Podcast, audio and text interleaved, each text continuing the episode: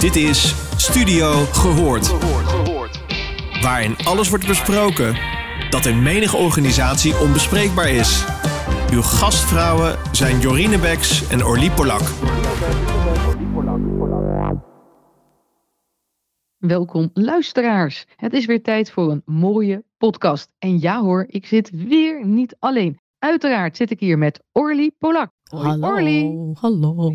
En ontzettend leuk hebben we voor de tweede keer te gast Helene Snijders. Zij is chirurg in het Groene Hart ziekenhuis. En daarnaast heeft ze een missie, een hele mooie missie. En daarvoor is een heel programma opgetuigd, is ze mee gestart. Heeft ze al eerder heel veel over verteld in deze podcast. En dat programma heet Nurses Know Better. En uiteraard, Helene, allicht dat luisteraars het even is ontschoten, dan wel dat ze niet de podcast hebben geluisterd van de vorige keer. Zou je nog even kort kunnen toelichten, wat houdt dit programma in en de beweging die je voor ogen hebt, om vervolgens lekker in te gaan op oké, en dan ga je van de kant en dan. Ja, hoi, wat leuk en wat goed dat ik weer mag vertellen over Nurses Know Better. De missie, er zijn ontzettend veel mensen in de zorg aan het werk. Er is alleen één groep en die heeft echt structureel minder te zeggen. Dat zijn in dit geval verpleegkundigen, terwijl we juist ieders stem zo keihard nodig hebben om de zorg voor de patiënt te verlenen.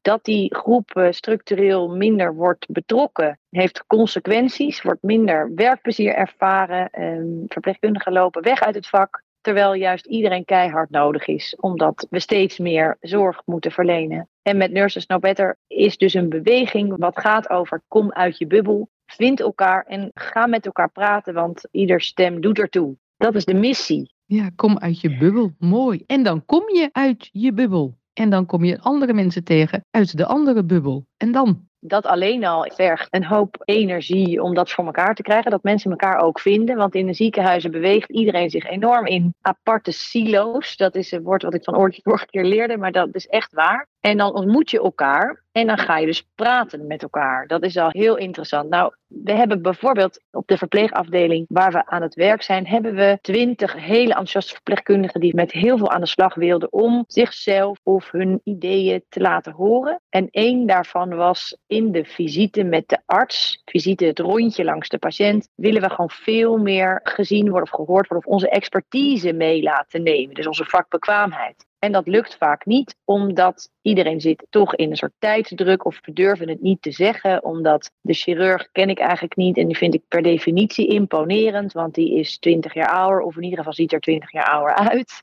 Dus hoe krijg ik dan, terwijl ik net HBO afgestudeerd of MBO afgestudeerd of wat dan ook ben, dat ik mij in ieder geval senang genoeg voel. Dus wat er gebeurde is, er werd een vergadering van de chirurgen belegd en er gingen twee verpleegkundigen naar die vergadering. Op de chirurgische, laten we zeggen, de achterkamers, dat is al heel spannend, hè, dat je dus als verpleegkundige je in het hol van de leeuw begeeft. Dus twee verpleegkundigen moet je voorstellen versus nou twintig dokters, dat zijn dan artsassistenten of co-assistenten, maar ook de chirurgen. En daar hadden deze twee verpleegkundigen een missie. En ik was daarbij en eerst hield ik een verhaal over waarom het belangrijk is dat met elkaar samenwerken en dat soort dingen. En vervolgens kwamen die verpleegkundigen met beste dames en heren, wij voelen ons structureel niet gezien en het is zo belangrijk dat je ons wel ziet. En het interessante wat daar gebeurde was, dat is een van die momenten waarvan ik dacht, wauw, A, dat jullie hier komen zitten. Maar ze wilden volledig. En B, al die dokters gingen luisteren. En die luisterden echt. En aan het eind van die bijeenkomst zeiden die dokters, volgens mij doen we echt iets niet goed. Wat ik zo mooi aan dit moment vond, is dat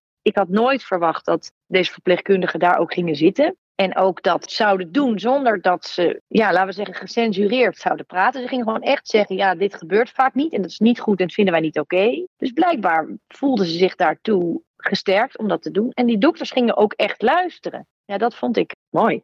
Ontzettend mooi. En heb je een idee hoe dat kwam dat ze er wel naartoe gingen? Heb je dat kunnen achterhalen? Nou, we hebben met elkaar wel, en dat is dan met die club van 20, en dit waren dan twee afgevaardigden van die club. We hebben heel erg met elkaar nagedacht, hoe moeten we dit aanpakken? Nou, zij durfde gewoon heel erg, doordat ik erbij was, denk ik. En ook wel doordat Suzette, wegkundige met wie ik dit doe, erbij was. En doordat ze gewoon heel duidelijk voor ogen hadden dat dit belangrijk was voor die patiëntzorg. Dus op het moment dat je dat heel erg voelt, dat het groter is dan jijzelf, ze durfde dat. En ik denk doordat ik eerst dat verhaal hield en iedereen naar ze keek, dat er podium was. En je zegt ook, er zat ook iemand bij vanuit de verpleegkundige kant. Hè? Dus niet alleen Ja. jij vanuit de chirurgische kant, om zo te zeggen. Nee. Kun je daar iets meer over vertellen? Wij zijn met z'n tweeën. Het kernteam van deze beweging zijn eigenlijk Suzette en ik samen. En wij zijn eigenlijk in onze dynamiek proberen wij al te laten zien dat je elkaar nodig hebt. De begeleiding van dit soort dingen doen wij ook samen. En ik heb weer hele andere invalshoeken dan Suzette. En soms praat ik voor Suzette's beurt. En dan zeggen we alweer, oh zie je, nu doen we weer wat we niet moeten doen. Dus die valkuilen, die doen we ook voor. En laten ook zien dat ondanks dat je die patronen hebt met elkaar, kan je doordat je elkaar vertrouwt en elkaar daarop aanspreekt, kan je daar gewoon iets mee doen. Maar dit klinkt als wel iets wat op jouw werkvloer gebeurt. En je begon de podcast met Nurses No Better is een beweging. Met als doel eigenlijk respect voor elk vakmanschap in het ziekenhuis. Dus niet alleen de arts kan waardevolle informatie over de patiënt geven, de verpleegkundigen kunnen dat even goed. En het negeren daarvan komt niet de kwaliteit van de zorg ten goede. Daar ging ook de eerste podcast over. Maar hoe Ja. kan je dit in de structuur van de werkwijze krijgen? Dus nu ben je eigenlijk zelf op de zeepkist geklommen en krijg je momentum in je eigen organisatie. Maar hoe zit dat met andere verpleegkundigen? Hoe zit dat met andere ziekenhuizen? En vooral hoe zit het eigenlijk op wat meer structureel niveau van de manier waarop en misschien, ja, er wordt opgeleid, maar misschien ga ik dan nu alweer te ver. Maar ergens moet er ook wel een soort vast worden om dit te gaan doen. Ja, ik denk wel, je schetst een soort toekomstbeeld hè, en je wil ergens heen met elkaar. En daar wil ik ook heen. Om daar te komen zijn denk ik nog wel flink veel stappen nodig. Dus je noemt eigenlijk het eind van de cultuurverandering die er moet plaatsvinden. En om die cultuurverandering op gang te brengen, dat moet toch van de mensen zelf komen. En uiteindelijk heb je mensen nodig zoals ik en zoals Suzette, die bereid zijn en die dit zien om ook in hun eigen ziekenhuizen te doen. Die kan je niet aanwijzen, want dan is het dus niet vanuit een intrinsieke behoefte. Dus het idee is om deze manier van tijd met elkaar door te brengen en elkaars ongemakken te verkennen, om daar anderen ook mee te laten inspireren en dat na te doen. En dat kan op de manier zoals dat in die huis is, maar de komende tijd of de komende jaren zal in ieder geval mijn aandacht gaan naar dit zoveel mogelijk verspreiden onder aanhangers. Dat moet op basis van enthousiasme van die aanhangers gebeuren en niet dat ik ze ga vinden en aanwijzen. Ja, maar ik zit er met een vraag. Je werkt samen in een team. Dus je, je hebt een arts, je hebt verpleegkundige en je hebt een patiënt. Laten we zeggen, jullie zitten in een drieluik. Dan is aan behandeling. Op het moment dat je wat meer integraal met elkaar overlegt over wat goed gaat en wat minder goed gaat, dan heb je toch eigenlijk automatisch al ruimte gecreëerd voor de verpleegkundige om te participeren in dat gesprek. Ik begrijp je vraag niet. Want bedoel je dat het gewoon tijd en ruimte is en dat het Nou ja. dan is geregeld? Nou ja, ik heb bijvoorbeeld Marit de Vos is hier in de podcast geweest. En die voeren complexe operaties uit. En elke operatie die bespreken ze met het hele team. Dus daar wordt niemand uitgesloten, maar er echt het hele team bespreekt. Waarom ging het dit keer heel erg goed? Bijvoorbeeld als zij acht complicaties hadden verwacht en ze hadden er maar zes dit keer. Dan willen ze echt van elkaar weten op een aantal variabelen. Die hebben ze ook benoemd, zoals bijvoorbeeld de samenwerking, maar ook medische variabelen. Van wat ging er nou in dit geval beter of slechter dan de vorige keer? En omdat ze Ja. dit in een bredere setting doen, dus niet alleen maar de chirurgen, maar ook gewoon de verpleegkundigen zijn onderdeel van het team, zijn zij elkaar heel erg goed aan het leren kennen en aan het waarderen. Dus Ja. in dat geval, in het geval van dit team, hoeven de verpleegkundigen niet meer te zeggen, joh, ik wil gehoord worden. Nee, ze zitten al in het gesprek en in de evaluatie van Ja. het werk. Ja, en dit is de chirurgische afdeling in het LUMC. En daar doen ze inderdaad multidisciplinair kwaliteitsbesprekingen iedere week. En dat is een team waar in ieder geval onder de dokters enorm al bereidheid is om dit te doen. Dat heeft Jaap Hamming ook heel erg daar gedaan, weet ik. En ik heb het met hem heel vaak over, kan je dit nou overal doen? Nee, er heerst al in dat team enorme kernwaarden over psychologische veiligheid, over dat je elkaar goed kent. Dus dat is daar al. Dus is dit mogelijk. Maar als dat ergens niet is, hoe implementeer je dan een psychologische veiligheid? Of is het nodig om in teams te zoeken naar mensen die dit soort initiatieven zoals wij doen, om dat te steunen. Om degenen die gemarginaliseerd zijn, in dit geval de verpleegkundigen, om die te helpen hun stem te vinden. Want- Volgens mij is dat de route. Ik ook wat nieuwsgierig ben, hè, want we hebben het over het LUMC. En weet je, die hebben natuurlijk ook Safety 2, die hebben hele programma's, et cetera. Wat je natuurlijk Ja. ook wel hoort, is over dat Crew Resource Management, hè, CRM op OK's. Dat je inderdaad zegt, we doen zeg maar de check-in en de check-out. Maar ja, dan ben je uit die OK En wat gebeurt er dan? Hè? Want dan is het niet meer georganiseerd en in één keer heb je wel weer de hiërarchie. Maar om het even kleiner en terug te brengen naar het Groene Hartziekenhuis. Want er zijn natuurlijk veel meer artsen, denk ik zo, tenminste is mijn beeld van een ziekenhuis, dan alleen chirurgen. Als je gaat kijken naar het Groene Hartziekenhuis, heb je nou het idee dat het hele Groene Hartziekenhuis helemaal into het nurses know better is? Of zeg je, nou, daar zit her en der ook nog wel ruimte voor verbetering? Nee, dat is natuurlijk niet zo. Als je 30% van een massa hebt, dan heb je het heel goed gedaan. Wat we doen is dat we zoveel mogelijk afdelingen achter elkaar een jaar te betrekken. En we hebben nu drie afdelingen waarbij we de derde net zijn gestart. En idealiter heb je dus per afdeling automatisch ook de dokters die daar aan hangen. Dus voordat je 30% van al die dokters hebt bereikt, ben je drie jaar verder. En daar zijn we echt nog niet. En de dokters komen er gewoon achteraan. Dus stap 1 is eerst alle verpleegkundigen en daaraan geleerde dokters die dan mee moeten doen. Ik zou heel trots zijn als we over vijf jaar kunnen zeggen: er is echt wel één op de drie dokters die heeft hier iets mee ervaren en heeft gedacht: jeetje, zo kan het ook anders. Dat is het eerlijke antwoord op jouw vraag. Ja, ik zat me eigenlijk op het vorige hm. ook nog af te vragen. Zou het kunnen zijn dat het met de definitie van macht te maken heeft? Is dat er beroepsgroepen zijn die heel veel waarde hechten aan het feit dat zij mogen beslissen. Dat zij mogen bepalen, dat zij echt definiëren bijvoorbeeld de operatie is geslaagd of niet geslaagd. En dat je daar soms tegenaan loopt dat ze dat een beetje moeten laten varen van wie bepaalt nu uiteindelijk wanneer we het goed doen en wanneer we het niet goed doen. Daar heb ik natuurlijk over nagedacht, ook omdat in het Volkskrant artikel waarin wij stonden het woord meer macht aan de verpleegkundige heel erg tot discussie heeft geleid. En ook wel hier in de teams hebben we met elkaar over gehad, gaat het nou over macht of over beslissingsbevoegdheid? En de rol van de arts is nou eenmaal om bepaalde beslissingen te nemen. En de rol van de verpleegkundige is dat vaak op een ander vlak. En verpleegkundigen zeggen ook heel duidelijk, die rol die willen wij ook niet. Wij willen niet de beslissing moeten nemen. Dat is echt niet onze bijdrage aan het zorgproces. Dus dan kan ik wel zeggen, nee, er moet macht naar verpleegkundigen die moeten gaan beslissen. Maar dat is echt niet de bedoeling, denk ik, om op een bepaalde manier samen te werken. Het gaat erom dat iedereen een expertise heeft op een ander gebied. En dat verpleegkundigen expertise hebben op het gebied van veel meer care. En dat die rol van die care in het zorgproces toch op de een of andere manier door de dokter onvoldoende wordt herkend of wordt onderschat. Dus ik denk dat het meer gaat over niet dat het verpleegkundige veel meer beslissingen kan nemen, maar dat je als arts dat je je eigen rol in dat hele behandelproces gewoon veel minder belangrijk gaat vinden.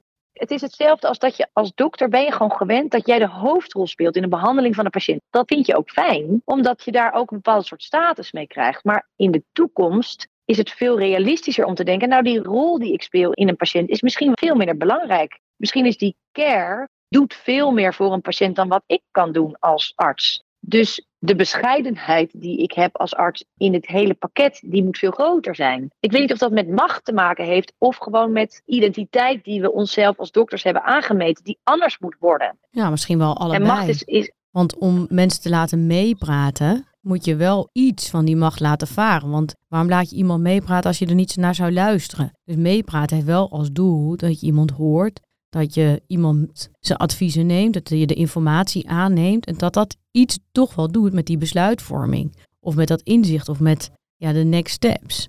Dus je moet daar wel voor openstaan. Je moet wel de ander zien als je hebt wel waardevolle informatie die mij kan helpen om uiteindelijk een betere beslissing te nemen. Dus daar zit wel iets van, ja, een beetje laten varen van ik heb altijd gelijk, weet je, dat gevoel. Zeker. Of misschien is mijn mening niet het enige wat ertoe doet. Ja, en ik denk ook dat er veel voorbeelden zijn van artsen die dat al heel erg doen. En die dat ook in samenwerking met verpleegkundigen heel efficiënt of effectief of naar heel veel tevredenheid doen. Zeker. Ik denk ook dat er bepaalde karakteristieken zijn van artsen die dit beter kunnen. Die ook met soort dienendheid of empathisch vermogen. Zeker.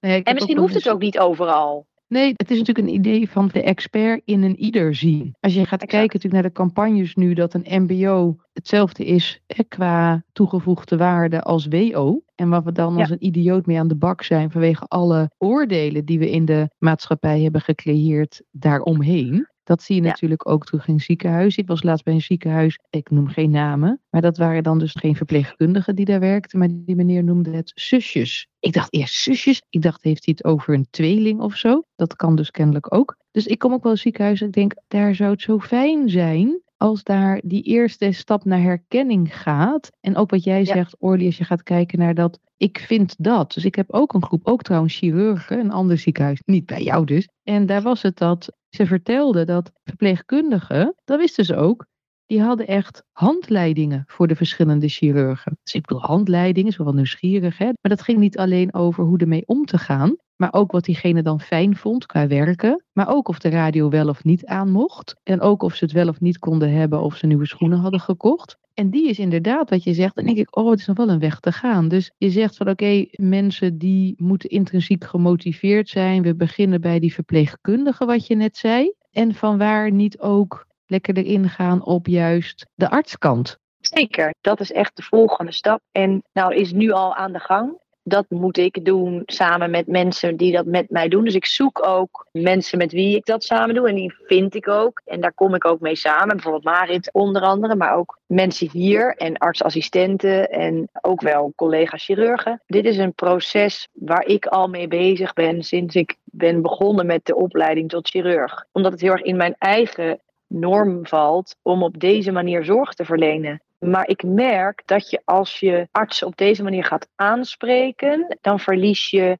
De vraag is waar begin je? Begin je bij de mensen die het niet goed doen? Of begin je juist bij de mensen die heel graag mee willen doen? En creëer je op die manier een positieve beweging waarmee je voldoende tegengeluid biedt? Ja. Ik geloof heel erg in dat laatste. En wat voor tegengeluid, ik ben wel even nieuwsgierig naar. Hè? Want ik vind het inderdaad ook mooi waar beweging is, volgt de energie, dan wordt het meer. Maar wat voor tegengeluid hoor je? Want ik geef paar inzichtjes wat ik een beetje zo meemaak. Ik maak het expres heel klein. Maar wat maak jou mee? Heb je nog voorbeeld dat je denkt, ja weet je, dit kan je dus overkomen als iemand echt denkt, ik verlies iets. Want hè, waarom reageert men zo? Verliezen macht, aanzien, identiteit, hele grote begrippen. Wat ik meemaak, het is natuurlijk nooit zo concreet dat iemand zegt: dit gaan we niet doen. Want je kan hier eigenlijk niet tegen zijn. Net als dat je niet tegen wereldvrede kan zijn. Je kan niet zeggen: we gaan tegen verpleegkundigen zijn. Maar je merkt wel dat het gewoon minder belangrijk wordt gemaakt op de agenda. Dus ja, dat het eigenlijk weggemoffeld wordt. Of ja, we hebben geen tijd. Het duurt me te lang. Of ik vind het toch wel heel eh, vermoeiend om zo'n stotterende verpleegkundige. Dus dat merk je heel erg. En ook wel word ik misschien als persoon soms, oh Helene, met die zustertjes. Dus mijn eigen persoon wordt ergens ook een beetje weggezet als belachelijk. Er zijn allerlei manieren om in stand te houden wat er nu staat en om je te verzetten tegen deze beweging. En die komen op allerlei manieren naar mij toe. Wat logisch is als je aan iemands gevestigde orde gaat rommelen. En dat komt in allerlei gedaantes. Zoals, heb je daar ook nog voorbeelden van?